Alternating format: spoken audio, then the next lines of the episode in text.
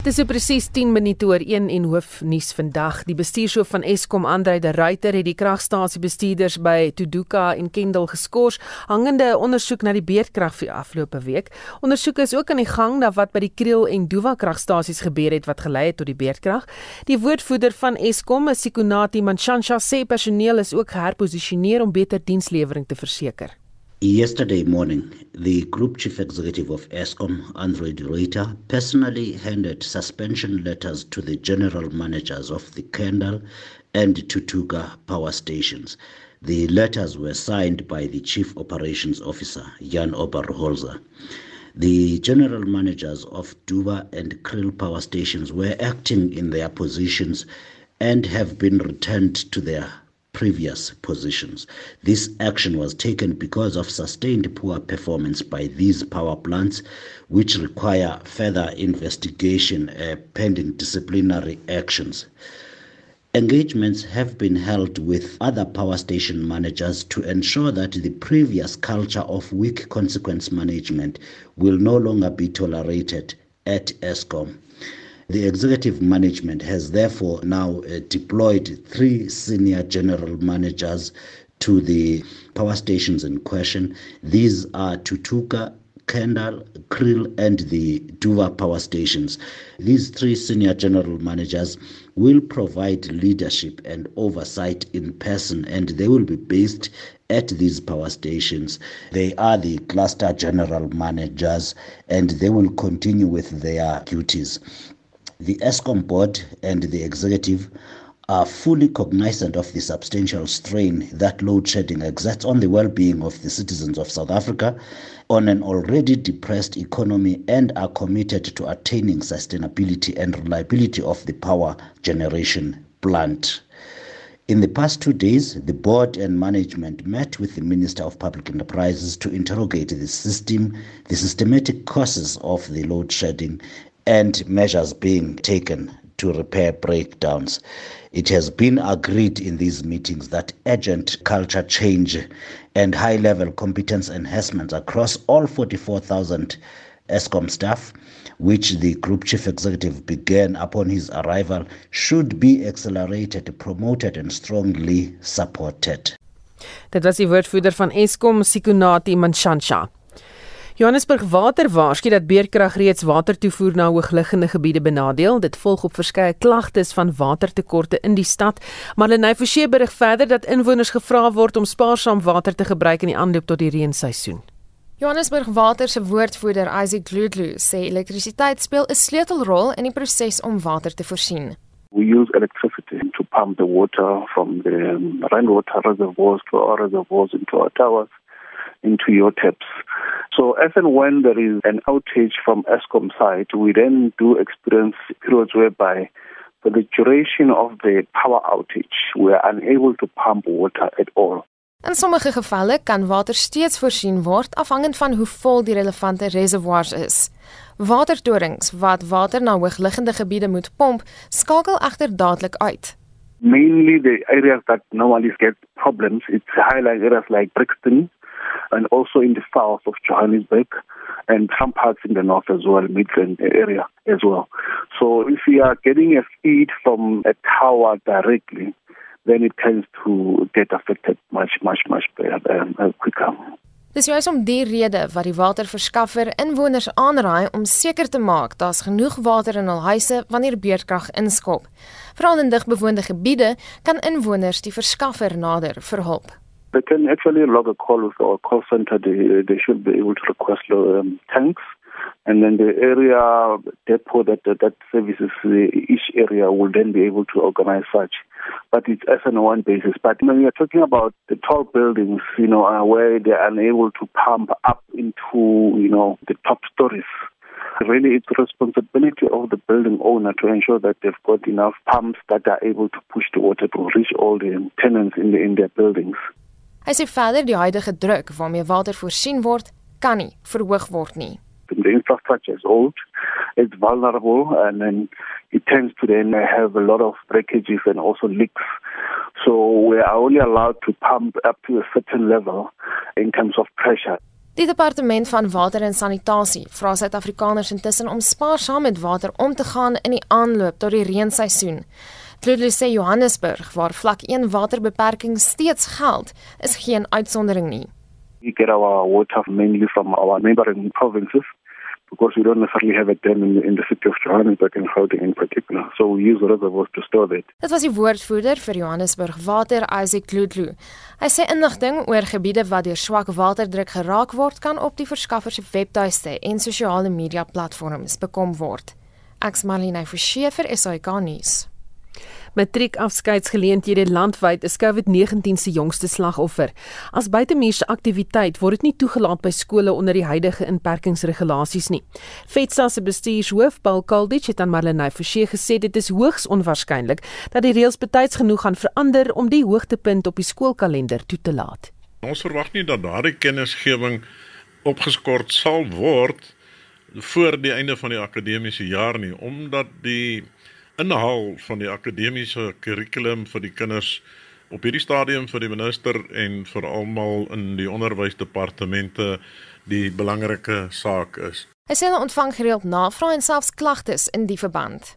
Vir baie matrikulante was die matriekafskeid 'n groot saak. Dis 'n emosionele saak. Dit is 'n saak wat met baie sentiment gepaard gaan.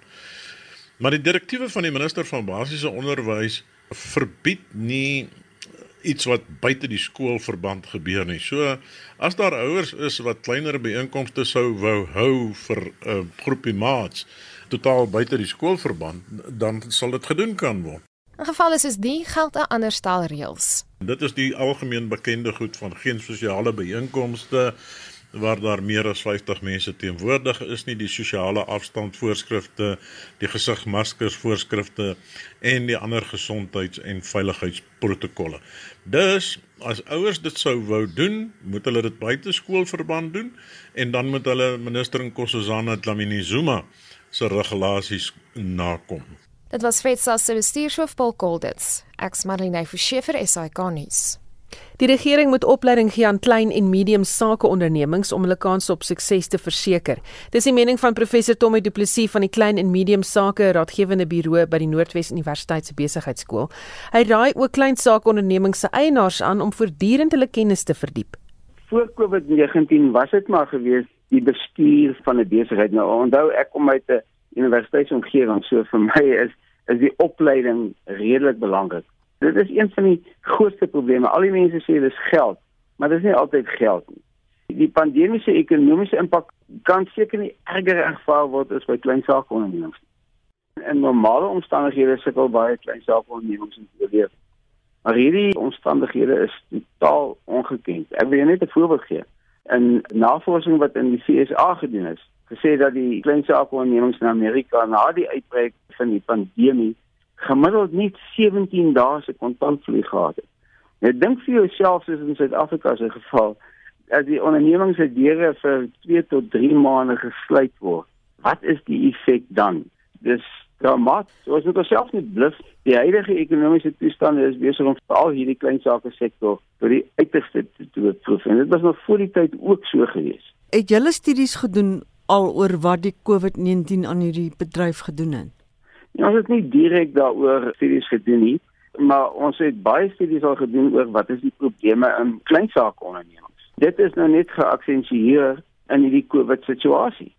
Ons sê nog altyd dat personeel is 'n klein saakonderneming se grootste bate. Wat het nou gebeur toe die pandemie uitbreek? Die klein saakondernemings was noodgedwonge met 'n afskaal en met personeel laat gaan en dit vererger die situasie. So dis nie altyd net maklik om te sê hou jou deure oop en hou aan om vir die mense net 50% salaris te betaal as jy net 17 dae se kontantvloei het nie. En regdeur die bedryf afleggings het 'n baie groot negatiewe invloed op die moraal van mense. Daar's ook 'n ander probleem wat voor die pandemie al daar was, was maar kostebesparing en die klein sake onderneming was nie altyd opgelei in tegnieke hoe om koste te bespaar nie. Ek vat 'n een eenvoudige voorbeeld. Die bedryfskostebegroting. Nie al die klein sake ondernemings en ek praat net van klein klein sake ondernemings hierdie vermoë, hierdie kundigheid om 'n oordentlike bedryfskostebegroting op te stel. En nou kom die pandemie in. Dis die laaste ding waaraan hy dink is om op so 'n basis te gaan opereer. 'n Derde aspek is wat nog altyd ook 'n probleem is, is verkope en bemarking. En maar dis juis in tye van so ekonomiese druk dat die bemarking reklame voorkeur by die onderneming moet kry. Maar dit kry dit nie, dit het nie voor die tyd gekry nie. En nou moet jy weet, hierdie drie goed wat ons van praat, jou jou personeel wat jou grootste bate is, kostebesparings wat moet gebeur, verkope en bemarking. Dis almal goed wat al lankal moes reg gewees het. En as jy praat van die swart swaan, dit het dinge net eenvoudig vererger. Dit is 'n 'n onheilspellende tyd vir baie baie klein saakondernemings. Het die regering 'n omgewing geskep waaraan hierdie mense kan gedei voor die pandemie? Daar's baie baie hulporganisasies en daar's lyste van instellings wat vir die mense raad en hulp kon gegee het, maar ek weet nie werklik of dit by die kleinsake persoon, kleinsake ondernemers self uitgekom het nie. Kom ek gee vir jou 'n eenvoudige voorbeeld. Kom ons praat van die totale informele sektor in Suid-Afrika. Nou toe die pandemie nou gekom het, die informele ouens wat nooit geregistreer was nie, waarvan die regering geen kennis gedra het nie. Dis die ouens wat moes oorleef het, haar kapste. Hulle moes oorleef, hulle deure is totaal toegemaak. Daar's geen manier, baie van hulle is werklik informeel en daar's geen vooraf rekord gehou van die informele sake in Suid-Afrika nie. En die mense toe hulle in die tou gaan staan het om te eis, sê hulle van jy het, jy het nie voldoen aan die vereistes voor die tyd nie, so sorry. Jy kan nie nou eis nie. En dit is vir my een van die grootste probleme dat 'n mens kan nie die werklike ouens wat die hulp nodig gehad het nou kan identifiseer nie. En dit was professor Tommy Du Plessis van uh, die Klein en Medium Sake Raadgewende Buro by die Noordwes Universiteit se Besigheidsskool en hy het met Mitsi van der Merwe gepraat. Ons bly by die storie klein sake eienaars moes behoorlik aanpas by die gevolge van die COVID-19 pandemie op hulle sakeondernemings. Die stigter en adjunkvoorsitter van CWDI Bemarkingsagentskap, Leslie Waterkine, het saam met kollegas 'n boek saamgestel van artikels deur ondernemers getiteld Hope. Hulle vertel hoe hulle tydens die pandemie opgetree het. Mitsi van der Merwe het meer hieroor. Leslie Waterkane vertel die boek gaan oor stories van entrepreneurs en die planne wat hulle moes maak om die pot aan die kook te hou. We've all got small children and 2020 was supposed to be 2020 and suddenly it was this whirlwind kind of disaster zone. And A, we wanted to capture the time in history where people were losing their jobs, there was fear and panic around, and we wanted to also find the people that were doing incredible things. Dit was op Werkersdag 1 Mei wat die stories begin skryf is. Sy sê uitgebreide netwerke het gehelp om taai entrepreneurs te kry wat hulle stories kon vertel. I'm very fortunate. I'm part of an incredible network called EO, which is an entrepreneur organization, the global organization with about 14,000 members. We reached out to the people in our networks and through business and even on social media. Who were the people that were doing incredible things? Klein sake eienaars moes veranderings maak. We interviewed Mobeli. I mean, here are massive big furniture stores. How is he going to now sell his furniture unless he innovated? So he came up with this augmented reality that you could literally take a piece of furniture and place it in your home and see how it would look without even going into a furniture store. And Mark Sham from Suits and Sneakers, his story is called Always Making a Mark. He said like COVID's been like a punch in the face for him, but you have to get up after you've being punched in the face. He relayed the story of Mike Tyson. It feels like you've been a knockout round, but how did you get up and just carry on? Daar is ook stories van mense wat vinnig gewerk het en e-handel platforms in 'n kwessie van dae begin het. Just took action, pivoted their businesses, innovated and turned their guest houses into safe havens for healthcare workers, Ubuntu beds, my friend Kim, so they wouldn't infect their families. People turning their restaurants into soup kitchens. Nog een van die skrywers van Hope, Sandy van Dyk, onthou Mpo Mwaza. Sy moes vinnig aanpas. They used to supply all the big weddings and funerals and those kind of big events in the townships and obviously during COVID there were no events happening. And so she needed to pivot her business. And she realized that actually ginger beer has got ingredients in it that are flu shot related. So instead of continuing to stay exactly where she was, she has now made one liter and two liter Chemed containers and is selling them as flu shots and as health boosters. Dan is daar die persoon wat glad nie beplan het om 'n ondernemer te wees nie, Jessica Bonstra. Sy is deur die COVID-19 pandemie onskep in een. Jessica en haar familie het 'n ruk terug in Suid-Afrika aangekom met byna niks nie. She started this little business called Yebo Fresh and her storage was literally in her garage and now she has grown her business over COVID to such an extent that they are now out in Airport Industria with a 2,400 square meter storage unit, supplying over 100,000 meals a day. People in the townships who have not had access to online delivery. Sandy van Dyk en Leslie Waterkane is twee van die skrywers van die boek Hope oor ondernemers se ervarings van hoe hulle aangepas het by die COVID-19 pandemie om kop bo water te hou. Mitsi van der Merwe SAK nuus. Beroepshigiëne is nou belangriker as ooit, dit na die COVID-19 pandemie die wêreld getref het. Professor Anja Franken, programleier en dosent in beroepshigiëne by die Noordwes Universiteit sê dat dit nou volgens wet elke werkgewer se verantwoordelikheid is om sy werknemers se gesondheid te verseker. Beroepshigiëne as 'n vakgebied het meer bekendheid verwerf te midde van die COVID-19 pandemie wat ons tans beleef. Afdeling 16 van die Rampbestuurswet wat op 29 April 2020 vrygestel is, het aangedui dat werkgewers moet verseker dat die risiko vir infeksie in die werksplek voorkom of verlaag moet word voordat werkers mag terugkeer na 'n werksplek. Op 4 Junie 2020 is daar meer duidelikheid verskaf met die uitreiking van die COVID-19 direktief vir gesondheid en veiligheid in die werksplek. Hierdie regulasies dui aan dat 'n risikobestuurprotokol ontwikkel en geïmplementeer moet word in alle werksplekke om sodoende te verseker dat die standaarde van higiëne nagekom word. Alle werkgewers moet dus verseker dat die nodige planne in plek is en die werksomgewing gereed is vir die terugkeer van werkers. Hierdie risikobestuurplan is dus 'n wetlike vereiste vir alle werksplekke. Beroepshigiëniste en dan ook persone in die veld van beroepshigiëne vorm deel van hierdie span wat die risikobepaling doen en dan ook natuurlik die risikobestuurplan ontwikkel. As deel van hierdie risikobepaling word die werksplek eerstens ondersoek om te bepaal waar die moontlike risiko's is vir die oordrag van die virus en infeksie.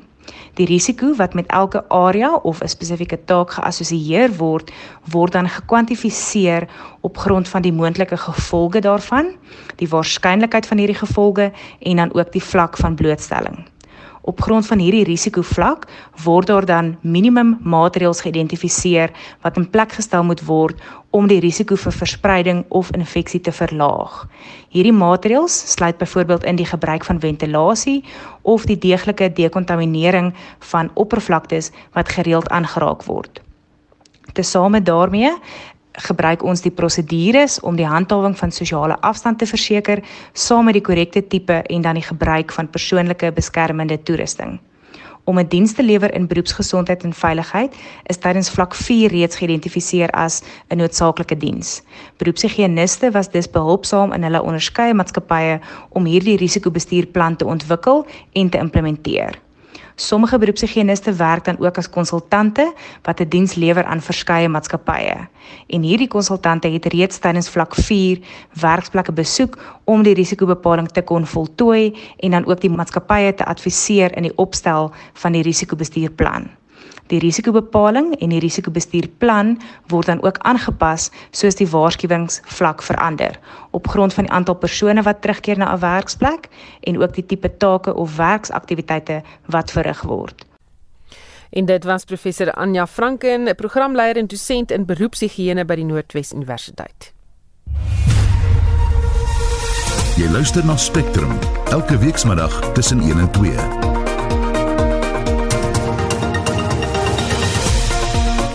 Die programmekundige sê die regering moet opleiding aan klein en medium sakeondernemings verskaf. Nie al die klein sakeondernemings en ek praat net van klein klein sakeondernemings. Hierdie vermoë, hierdie kundigheid om 'n oordentlike bedryfskoste begroting op te stel. En nou kom die pandemie en dis die laaste ding waaraan hy dink is om op so 'n basis te gaan opereer.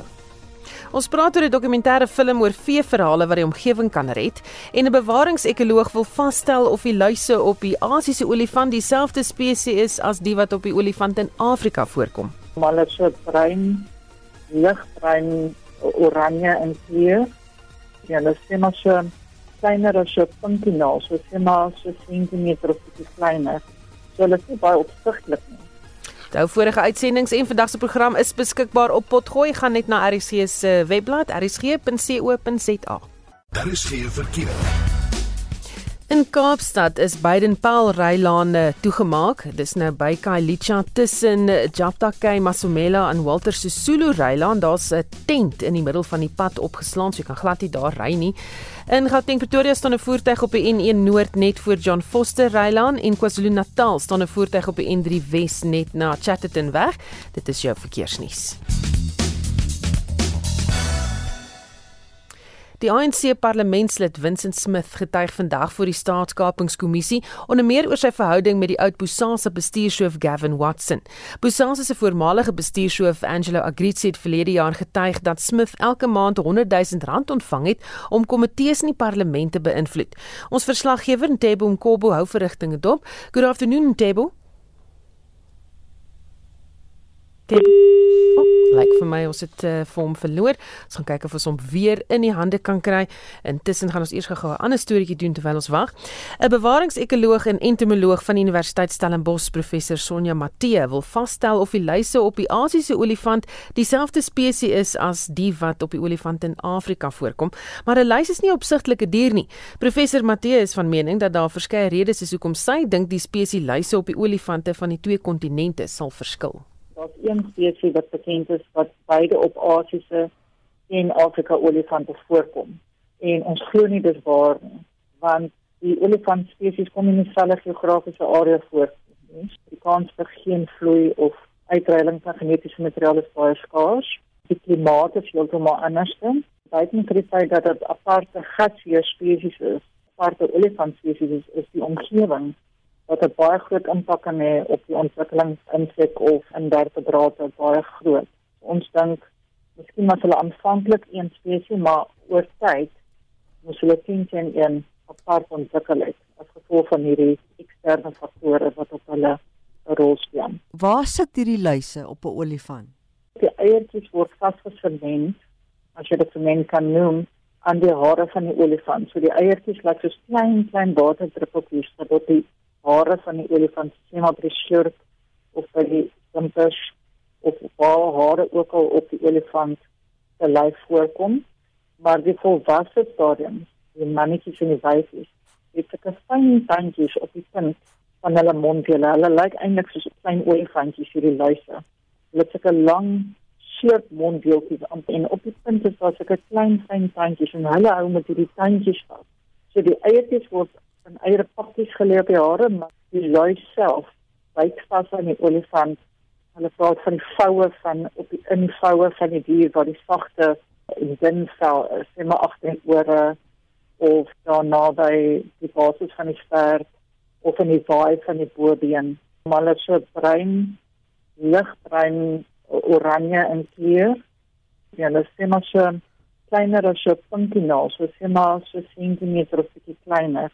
So hulle is nie baie opsigtelik nie. En daarom wil ons graag as mense in elk geval olifante hanteer, sê maar as hulle besig is om hulle te behandel vir iets of hulle gaan hulle rondskuif as die diere slaap, dis hulle mos nou rustiger dan kan jy mos nou vandag net op sekere areas kyk waar hulle voorkom en of jy hulle sien en dit beteken nie dat honderde van hulle nie. Daar's seker net soos ek sou sê seker so 5 of 10, nie eens so baie nie dalk. Maar weer eens, dit is moeilik. Jy kan nie die hele olifant deurkyk nie. So jy kan nie eintlik 'n goeie skatting kry van hoeveel daar is nie, maar van die vorige studies het gepraat van 5 na 10 luise op 'n olifant, maar ook nie al die olifante gaan hê nie. As jy sê maar as 10 olifante kan kyk, gaan 4 of 5 olifante dalk die luise hê. Doen nie die luise skade aan die olifante? Nee, glad nie. Ek dink dit is meer 'n uh, symbioties en meer mutualisties. Ek dink oor evolusionêre tyd het die luise saam oorleef op die olifante. So daar's nog geen studies of geen aanduiding van enige literatuur en ek wil daarop baie navorsing in die Kaapstad gedoen. En dit was professor Sonja Matthee, sy's 'n bewaringsekoloog en entomoloog van die Universiteit Stellenbosch en sy het met Mitsi van der Merwe gepraat.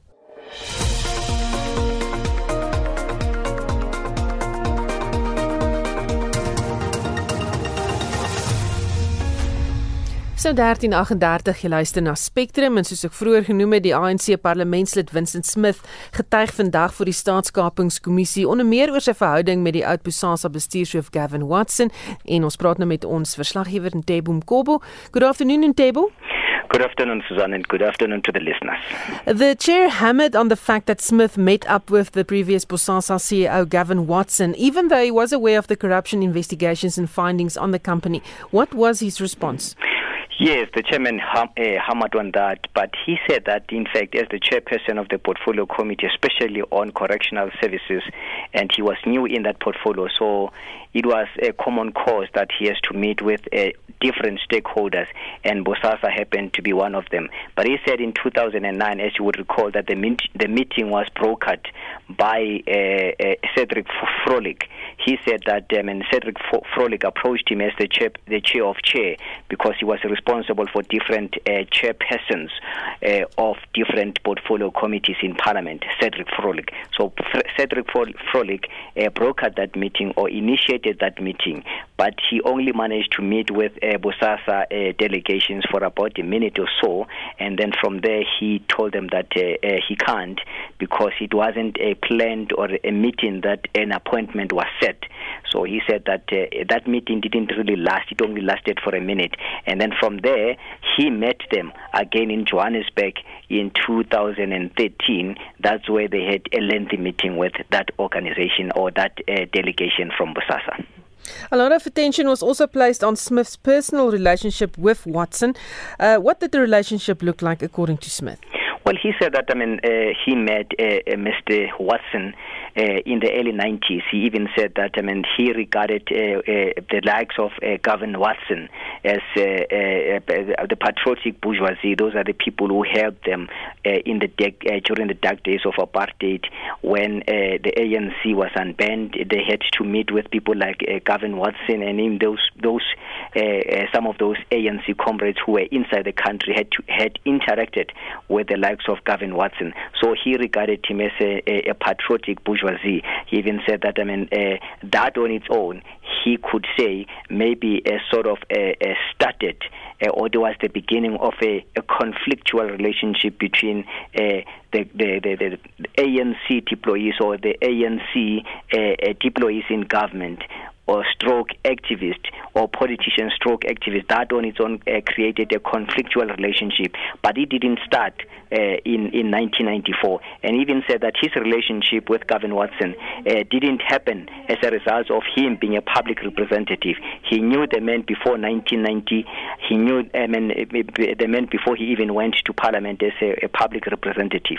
But he admitted that I mean uh, the relationship between uh, those people who used to help them in the past uh, sort of created a conflictual relationship, a relationship that now people want to use it as we helped you in the past, so now it's our time, or it's a payback time, or it's your time to help us. Smith did mention that in his capacity as chair of the Committee of Correctional Services, he only met with stakeholders under certain conditions. Can you tell us more about that? Well, he said he met he met those people under certain conditions. Conditions being that uh, when they had to discuss uh, what uh, they can offer to his department. For instance, you would recall that I mean at some point, uh, Bosasa had uh, contracts or tenders with a government or the Correctional Services Department that worth well over 800 million. It was 834 million. That was the contract that was uh, between uh, Bosasa and and and and, and the, the Department of Correctional Services. So he said he met all those uh, people who were uh, uh, according to him were relevant stakeholders he met to them under certain conditions on what they can offer uh, the department. And again he even emphasized the fact that he, in fact when he took over in, in 2009 he was anti outsourcing he was against the outsourcing of some of uh, the responsibilities that uh, the officials can do to uh, companies like Bosasa. He even said that I mean the relationship was not based on corruption but uh, anyone can vouch for him that he was anti uh, outsourcing of some responsibilities to Busasa. That can be done by officials within the department. Baie dankie. Dit was ons verslaggewer Ntebo Mkobo van 'n waarskuwing in die wolke dat 'n pandemie die wêreld gaan tref tot vee verhale wat die omgewing kan bewaar. Dit is van die kwessies wat die produksiespan van die stroop dokumentêr in hulle jongste film ondersoek. Bonaide Bot en Susan Scott is die vervaardigers van die bekroonde dokumentêr Stroop wat gaan oor 'n nosterstropery in die land. Hulle splinternuwe dokumentêr Kingdoms of Fire, Ice and Fairy Tales is pas vir die eerste keer gewys by die aanlyn silverskermfees. De Bot sê hulle moes 'n positiewe projek aanpak na hulle 4 jaar lank die griefverhaal van 'n renosterstropery moes ondersoek. Soos jy nou reeds weet, stroop het het 4 jaar geneem vir ons om te verfilm. Dit het nog 'n jaar geneem om die die legkaart stukkies aan mekaar te sit en 'n verdere 18 maande om die film vry te stel want ons het plaaslike vertonings gedoen eh, reg oor die land, skole, universiteite, filmfeeste reg oor die wêreld.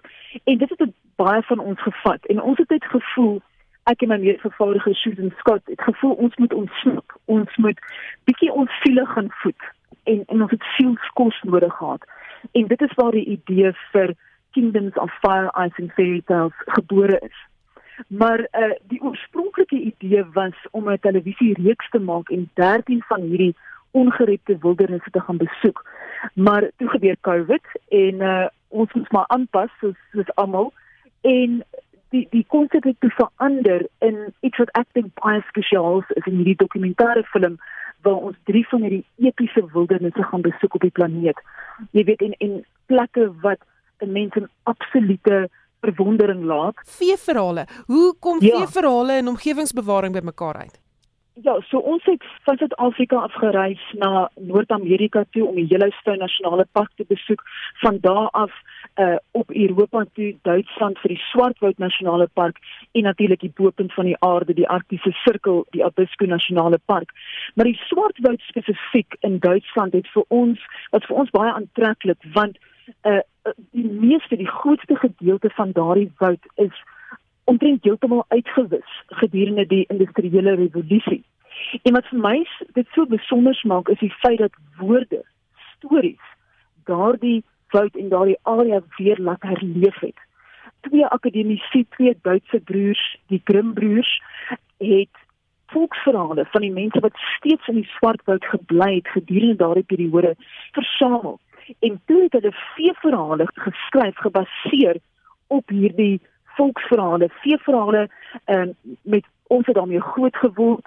Ons ken dit vandag nog goed. Ons baie lief vir hierdie veeverhale soos Rooikappie, Hansie en Frikkie, Rapunzel, die Prins Para, uh, daai tipe veeverhale en dit het daardie hele plek weer laat herleef. En en ek dink dit is 'n baie spesiale aspek van van die Swartwoud Nasionale Park. En dan ook nog meer belangrik is die feit dat die mense daar, die gemeenskap in Duitsland hulle wou gehad het dat die ontbossing moet stop. En ek dink ons voel altyd ons moet 'n besluit neem. Dis dis of ontwikkeling en vooruitgang of is die natuur.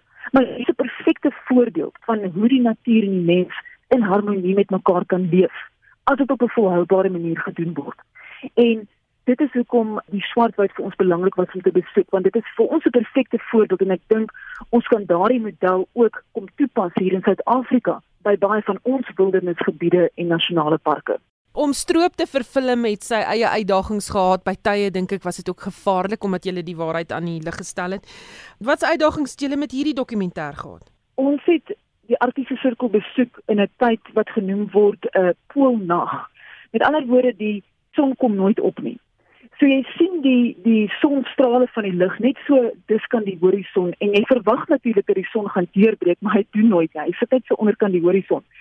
En um, dit was nogal 'n aanpassing want jy het hierdie ons as twee Suid-Afrikaners, ons is gewoond aan hierdie oranje warm Afrika son en hier kry hierdie dit wat is hierdie blou lig, hierdie konstante skemer. En dit is net so tussen 2 en 4 ure 'n dag en dan is dit weer stik donker vir 20 ure in die dag en en dit was nogal 'n aanpassing maar besonder om te ervaar.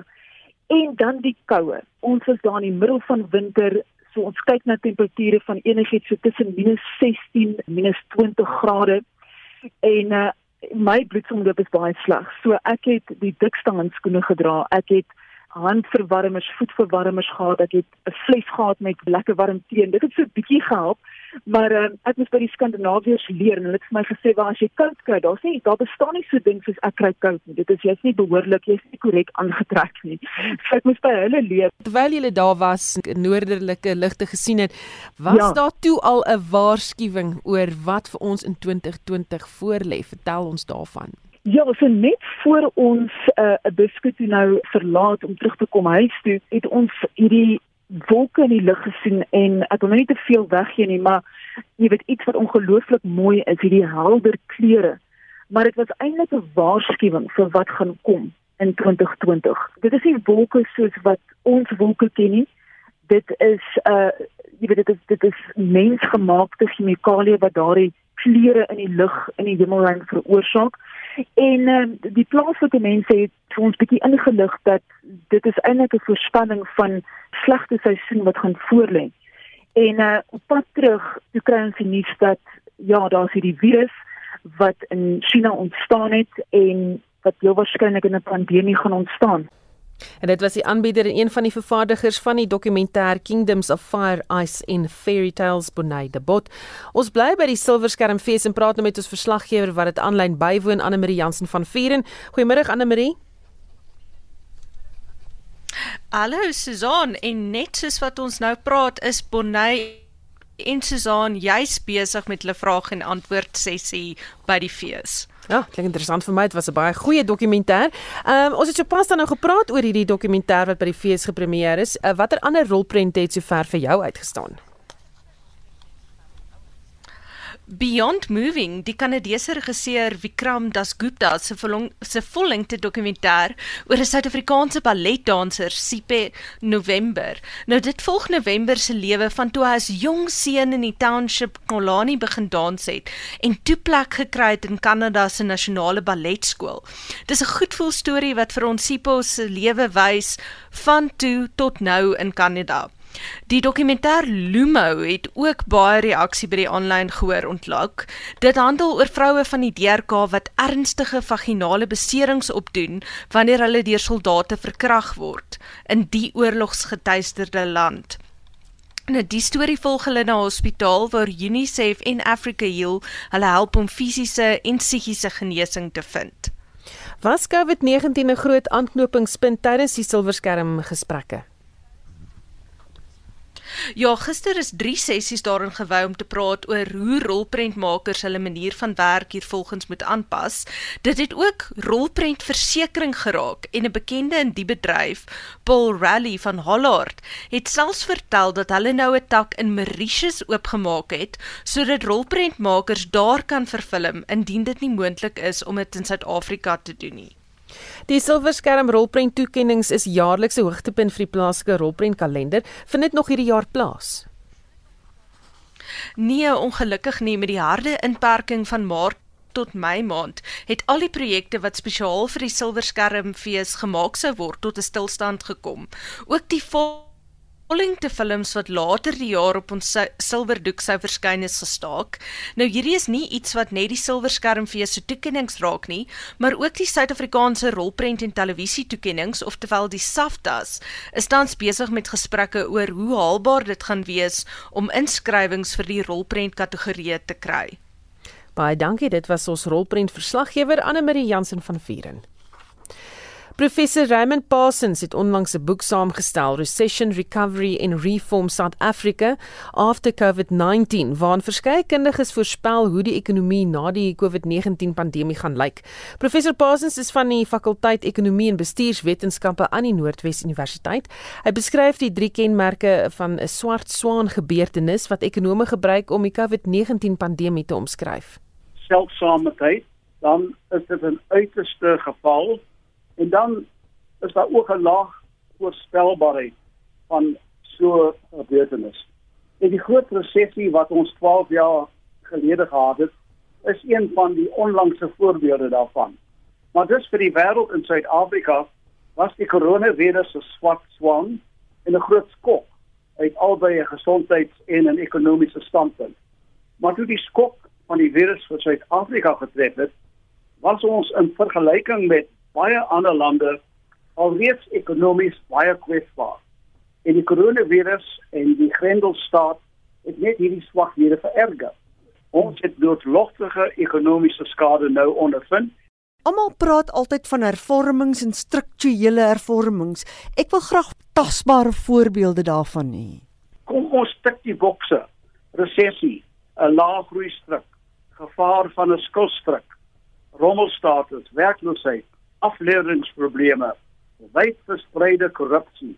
Wat die boodskap van die boek is, ons moet verstaan dat hierdie sogenaamde verlore dekade van Suid-Afrika, dit beteken dat ons het wegbeweeg van die basiese beleidsbeginsels van doeltreffendheid, stabiliteit en ook koersvasheid.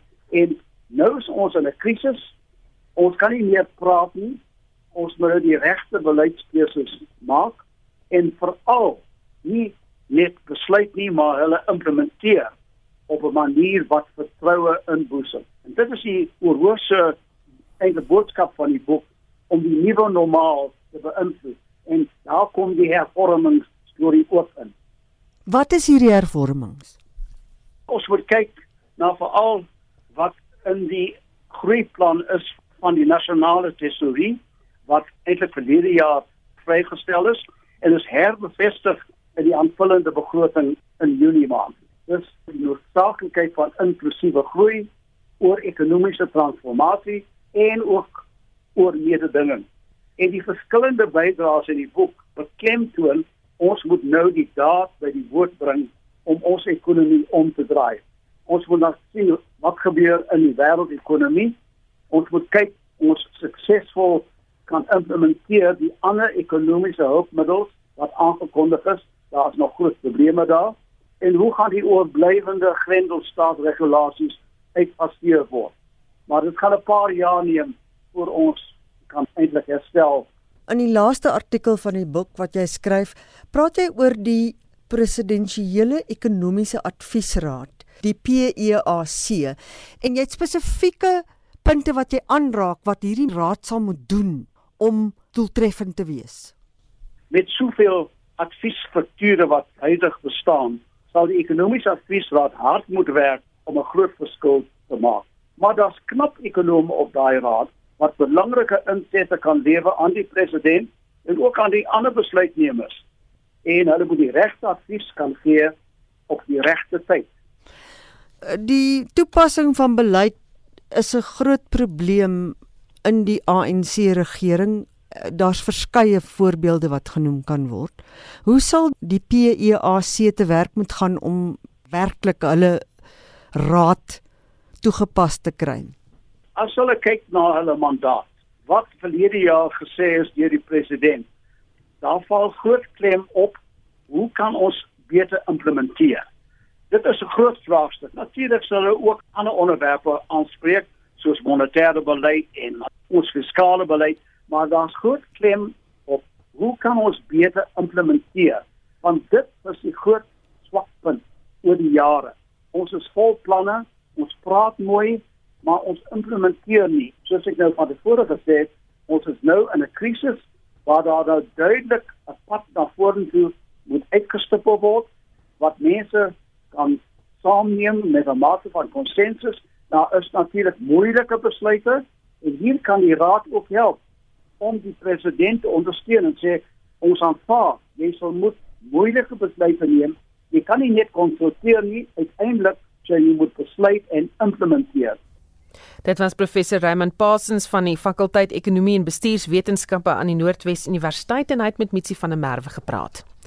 Damvlakke in die Wes-Kaap verbeter weekliks. James Brandstein, die woordvoerder van die Wes-Kaapse Ministerie van Plaaslike Regering en Ontwikkelingsbeplanning, het die jongste Damvlakke in die Wes-Kaap is danksy die goeie reën wat ons ontvang het deur die winterseisoen op van die hoogste vlakke wat ons in die afgelope 6-7 jaar gesien het. Ons sien die gemiddelde damvlak in die Wes-Kaap is op die oomblik in totaal so by die 72% terwyl die stad Kaapstad se damme gemiddeld 91% vol is. Dit is 'n merkwaardige omeswaai van 2017 eh, af toe damvlakke op hierdie stadium van die jaar in 2017 rondom 30% vol is. was. Uh, dit is in die stad Kaapstad. Ons is dankbaar om te sien ook dat uh, damme soos die Teewaterskloof-dam, die grootste dam in die provinsie, op die oomblik draai by die 88% vol.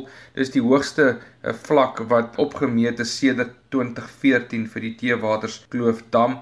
As ons kyk na van die bestuursmeganismes, die Klein Willem Dam in die Weskus is op die oomblik was nog 102% vol. So meer as tot kapasiteit. Dit beteken dat sluise oopgemaak word. Daar was uh, so 6 sluise by die Klein Willem Dam oopgemaak.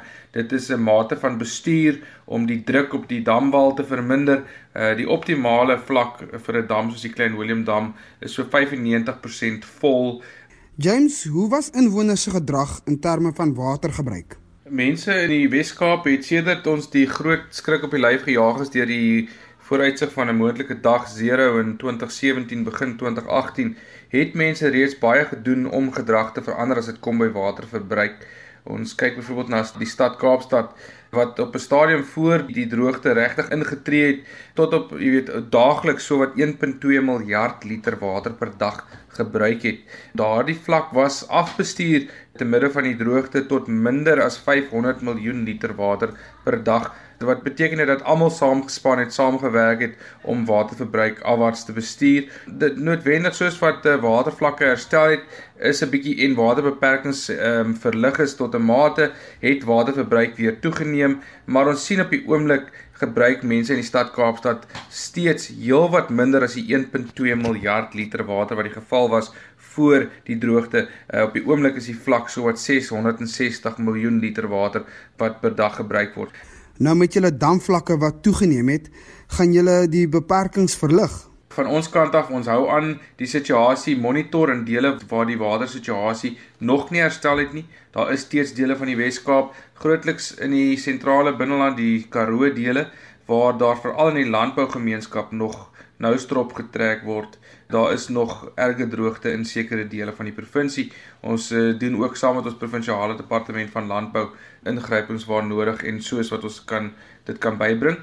Dit was James Brent Stein, woordvoerder van die Ministerie van Plaaslike Regering en Ontwikkelingsbeplanning in die Wes-Kaap. daarmee groet die Spectrum span. My naam is Susan Paxton.